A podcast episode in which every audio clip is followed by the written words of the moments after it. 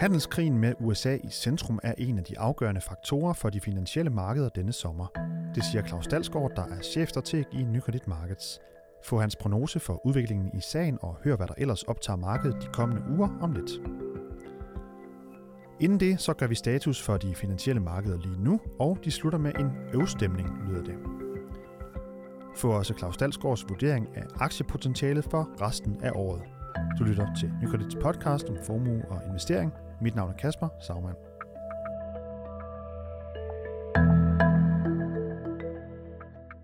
Sommerferien den står for døren for de fleste, men øh, investeringsmarkederne de holder jo ikke øh, lukket af den grund, så hvad kan du egentlig forvente dig af de næste uger på den front? Det kigger vi lidt nærmere på her i podcasten i dag, og for at hjælpe os med det, har vi fået besøg af dig. Claus Dalsgaard, velkommen til podcasten. Jo, tak skal du have. Chefstrateg i Nykredit Markets. Og øhm, Claus, det kunne være, at vi lige skal starte med en, øh, en status på, hvordan ser de finansielle markeder ud sådan lige nu her øh, slutningen af juni?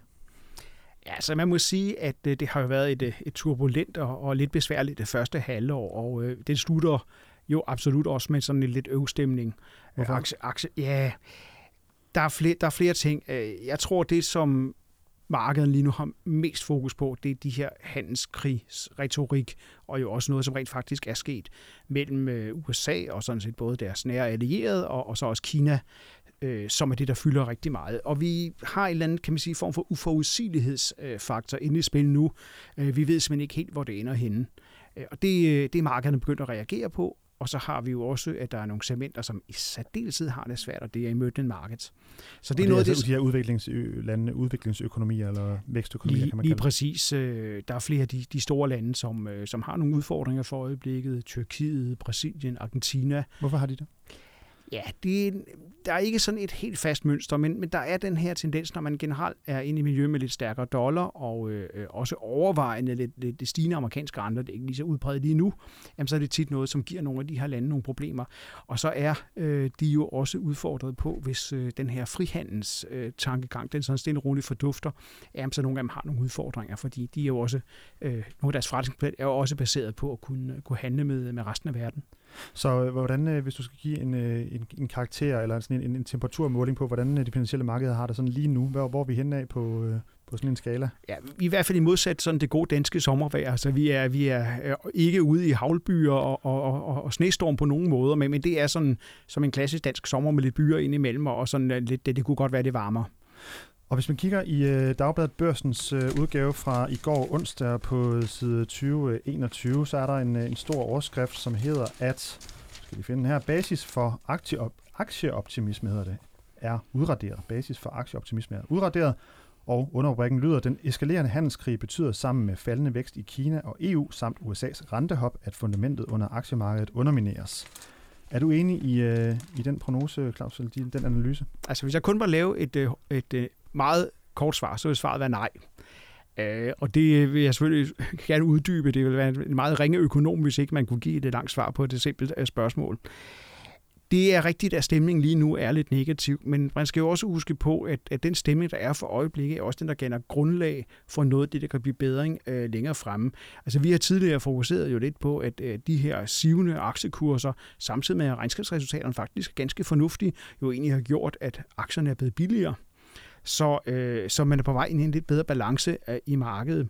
Og, øh, og det er ganske rigtigt, at, øh, at lige nu så, så fylder den her handelskonflikt rigtig meget, men vi har set i den uge, hvor, hvor vi er på vej ud af, har vi jo allerede set de her, hvor, hvor måske Trump alligevel på sådan i småtingsafdelingen alligevel begynder at bløde op, fordi efterhånden, som man begynder at mærke de faktiske konsekvenser af den her retorik, jamen så er det også sådan, at man måske de politiske system begynder ligesom overveje, hvad det er.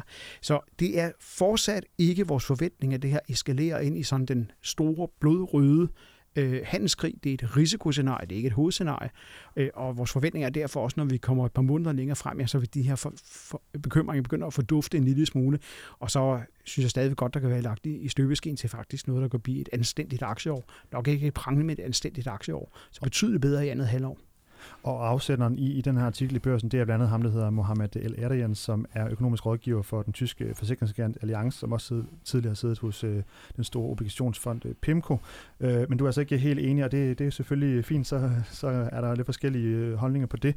Hvis vi lige tager handelskrigen igen øh, og snakker lidt videre om den, øh, så Larry Kudlow, som er økonomisk rådgiver for Donald Trump, han var ude på, øh, på Fox Business News, øh, den her øh, tv-kanal her i forleden dag, og kom med lidt af en, en bred side mod, øh, mod Kina.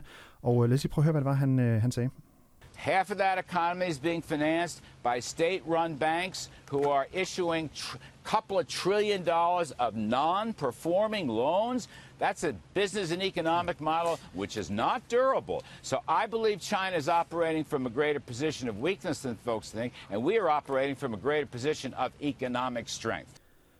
Ja, så det er den gode Kotlow, han siger, det er altså, at den kinesiske model ikke er holdbar, og at øh, USA ligesom er, er, er, står stærkere, og Kina er svage. Hvad, hvad, hvad, hvad tænker du om sådan en, en udmelding?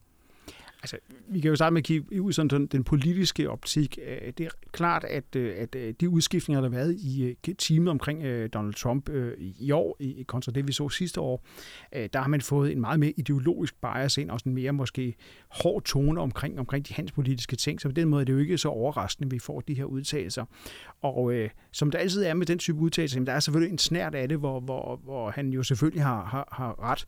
Det har været en bekymring efterhånden en del år, at gældsudviklingen i Kina har været så voldsom. Altså man er jo løftet, altså man har til at glemme nogle gange, hvor fuldstændig nærmest uden fortilfælde det er, at et land af den størrelse, som Kina har, har løftet sig gennem så mange år til et så voldsomt økonomisk niveau fra noget, der ikke var ret meget. Og noget af det, de har gjort, det er jo blandt andet, de har gældsfinansieret en del af det. Og den skal de begynde at adressere, og det har de også over de sidste et til to år, at de begynder at adressere de dårlige lån i bankerne, som, som øh, der bliver henvist til. De er faktisk begyndt at tage fat på den her problemstilling. Det vi så oplevede, kan man sige, over den sidste måned, halvanden, det er jo egentlig, at de måske er blevet lidt nervøs for den deleveraging, som man sådan teknisk set kalder nedgearing, øh, som de har sat i værk, og nu er de så begyndt faktisk at lempe pengepolitikken. Så har vi set to gange, hvor man lempede reservekraven til bankerne, man har faktisk også undladt at følge den amerikanske renteforholdelse.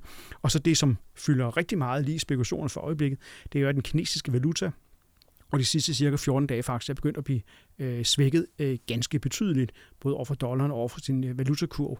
Så jeg er sådan set enig i, at der er nogle, nogle strukturelle svagheder i den øh, kinesiske model, men jeg vil sige, at det har været en dårlig idé gennem mange år at, øh, at spå, at øh, Kina var ved at bryde sammen økonomisk. Det har, der er man gået grueligt i byen med, og jeg tror sådan set også, at forudsigelserne om Kinas sammenbrud, den er, den er overdrevet. Han ja, regner stadigvæk med en vækst på omkring 6,5 procent i år, øh, er det det seneste tal, jeg kunne se i hvert fald. Det, det, det gør man, og, men vil sige, vi skal selvfølgelig vende os til, at væksten gradvist bliver lidt lavere, øh, efterhånden som vi kommer frem i Kina. De kan ikke opretholde det samme vækstniveau, blandt på grund af deres, øh, deres befolkningsudvikling. Øh, jeg synes at gengæld, det er lidt interessant, hvor han jo taler omkring det her med, at han synes, at USA kommer fra en styrkeposition, og, og Kina fra en, en svag position. Og den er jeg ikke sikker på, at i hvert fald kineserne helt, øh, helt øh, deler den, øh, den øh, analyse af tingene. Øh, det er jo et vedvarende spørgsmål, og det er måske lidt, lidt tungt at komme ind på i sådan en podcast, men det her med, hvem er det, der har problemet? Fordi kineserne siger jo, jeg synes, de har en valid øh, pointe, at, at det, der er udfordringen for amerikanerne, det er, at de forbruger over evne. Altså deres store handelsbalanceunderskud, de har med resten af verden, det er jo et udtryk for, at amerikanerne altså bruger meget mere, øh, end de egentlig har penge til. Øh, og hvorfor det skulle være specielt en, en svag position for Kina og ikke en svag position for USA, det kan man så øh, måske spænde, som man ønsker at gøre det. Og lad os lige tage øh, handelskrigen her, fordi øh, bare lige for at sætte et punktum for det i første omgang, fordi en krig har jo som regel en, en, en vinder øh, på den ene eller anden måde. Øh, den her handelskrig, nu øh, kommer der her den, den 6. juli, er der nogle, nogle nye øh, sanktioner, der, der træder i kraft, og der har været snak om også noget, nogle, muligvis noget, noget ekstra 12 på, øh, på biler og sådan nogle ting. Øh, tyske bilproducenter øh, præcis, til, ja. til USA omkring 20 procent, hvor den øh, i dag ligger på, øh, så vidt jeg husker, 2,5 procent, eller i, i det eller i hvert fald væsentligt lavere. Betyder det, nu du siger også, at, at Kina egentlig har lidt en, øh, at der er nogle, måske nogle, nogle ting, der ikke er så holdbare. Betyder det også, at øh, USA er det bedste bud på en vinder den hans handelskrig i øjeblikket, eller hvad? altså en af de ting, som, som man som økonom er ret overbevist omkring, det er, at, øh, at handelskrige har ingen vinder, men har kun taber i varierende grad. Øh, altså frihandel er sådan øh, virkelig en, en grundpille i, øh, i det, vi synes, der er god og sund øh, og fornuftig økonomi. Når USA, øh, jeg ved godt i medierne, der får de enormt meget hug for, for det, de er i gang i. Jeg synes måske, det er færre at nuancere den en lille bitte smule også i den her podcast, og bare sige, at USA har jo faktisk nogle pointer omkring, at der er en, øh, nogle forskellige øh, tolvsatser, øh, som, øh, som måske kan være lidt mærkeligt for amerikansk syn, vil sige, altså hvorfor er det amerikanske biler til Europa har en noget højere tolvsats, end europæiske biler har til Europa.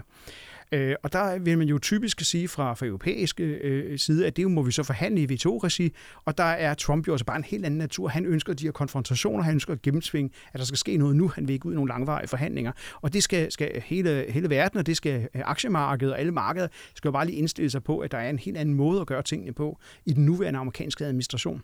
Men nej, hvis det her måtte fortsætte øh, i den vej, som, som markedet kan frygte, det er lige bare så øh, er der ikke det sted at vinde, og så er der sådan kun taber ud af det. Og det er jo et kedeligt øh, udfald, kan man sige. Hvis man nu er på vej på, på sommerferie, og øh, ja, den løber jo sådan øh, 5-6 uger, øh, ikke at man nødvendigvis tager alle øh, ugerne øh, på én gang, øh, men øh, jeg tror, vi siger, at vi er nu tilbage til normalen omkring i midten af august eller noget den stil. Hvad vil være din prognose for sådan øh, finansmarkederne de næste øh, 5-6 uger, sådan lidt overordnet? Jeg tror, det er en stemning, vi har for øjeblikket, den, den kører øh, sommeren med. Øh, den her nervøsitet, vi har for øjeblikket, den, den kommer ikke til at forsvinde fuldstændig.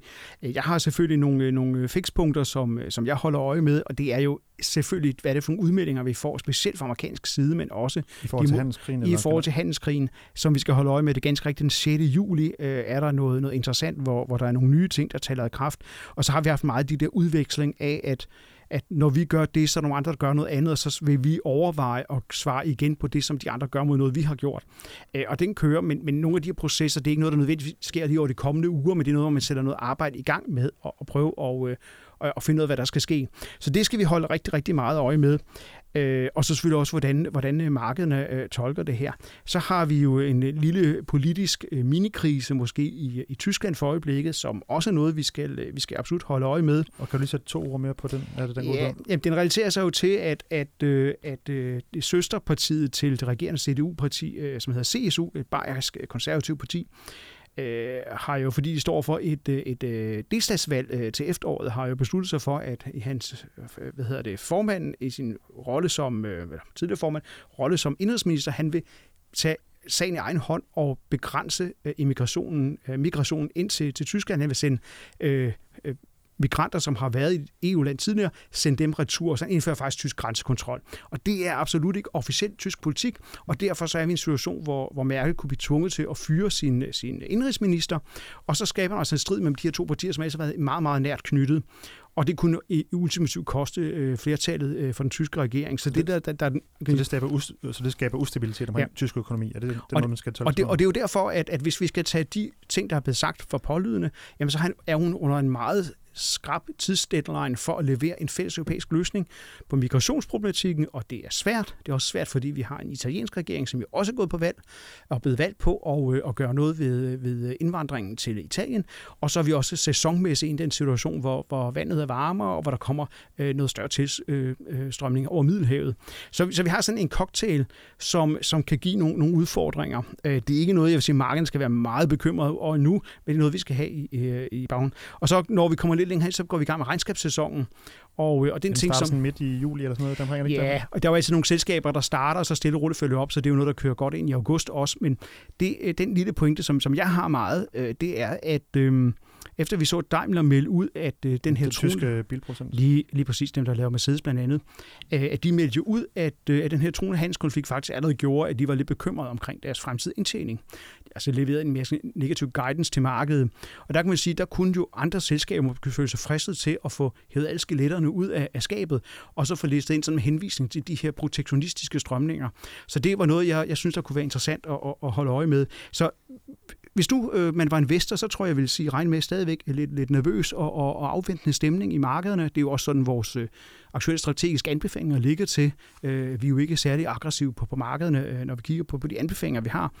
Jeg regner med, at den varer et stykke tid endnu, og så vil jeg tro, når vi kommer på den anden side ind i august-september måned, så tror jeg faktisk, at vi begynder virkelig at se stemningen begynde at lette, øh, og tingene kommer til at gå betydeligt bedre og så ender det med at blive et, et, et, et prangende, eller ikke et, et fantastisk, men et, et, et, et hederligt øh, aktion. Ja, lige nu så kan man kalde mig optimist, men jeg vil ikke øh, spå nogle tidlige julegaver, men jeg tror, at fjerde kvartal kunne blive ganske fornuftigt.